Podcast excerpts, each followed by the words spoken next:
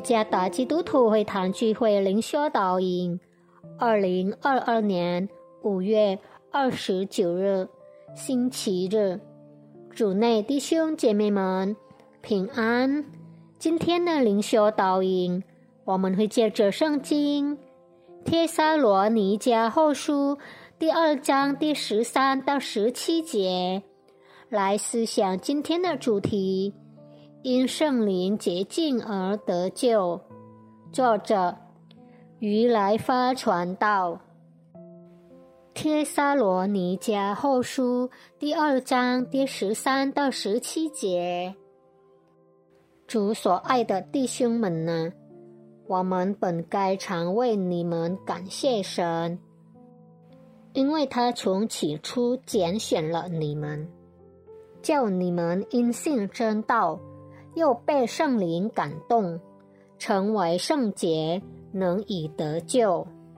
神借我们所传的福音，照你们到这地步，好得着我们主耶稣基督的荣光。所以，弟兄们，你们要站立得稳，凡所领受的教训，不拘是我们可传的。是信上写的，都要坚守。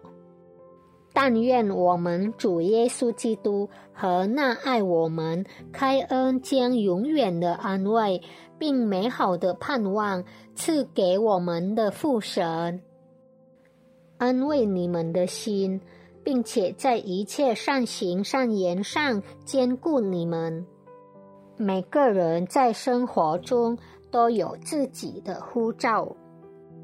一名警察被召来维持法律秩序，并确保印度尼西亚民众的安全。艺术家被要求用他们的作品来娱乐、安慰他人。教师被要求在学校教育孩子。上帝的仆人。被呼召在教会中全职中心的服务会友，我们的身份决定应当执行怎样的呼召。我们作为上帝儿女的身份已被耶稣基督拯救，蒙召在使我们成圣的圣灵中站稳脚跟。促使保罗写这封信的背景是，帖撒罗尼迦教会必须面对假教师的教导。他们教导说，主的日子近了，上帝也会因为他子民的罪而对他们发怒。这在会众中引起了骚动，他们害怕灭亡。但使徒保罗提醒他们，他们是得救的人。诚然，人类因为自己的罪孽而配受上帝的愤怒，但教会是一群被耶稣基督拯救、被圣灵洁净的罪人。上帝的话语说。因为他从起初拣选了你们，叫你们因信真道，又被圣灵感动成为圣洁，能以得救。教会被呼召成为上帝的子民，好得着我们主耶稣基督的荣光。为了对付假教师的教导。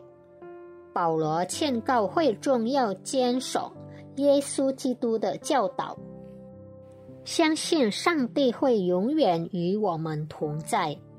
正如主的话所说：“我们主耶稣基督和那爱我们、开恩将永远的安慰并美好的盼望赐给我们的父神。”安慰你们的心，并且在一切善行善言上兼顾你们。我们现在必须做的就是努力遵守呼召，坚守耶稣的教导。我们也蒙照在圣灵的帮助下过圣洁的生活。我们可以借着阅读圣经，并在日常生活中做到这一点。我们蒙照要持守神话语的教导，并在每天的生活中来实行。愿上帝赐福大家。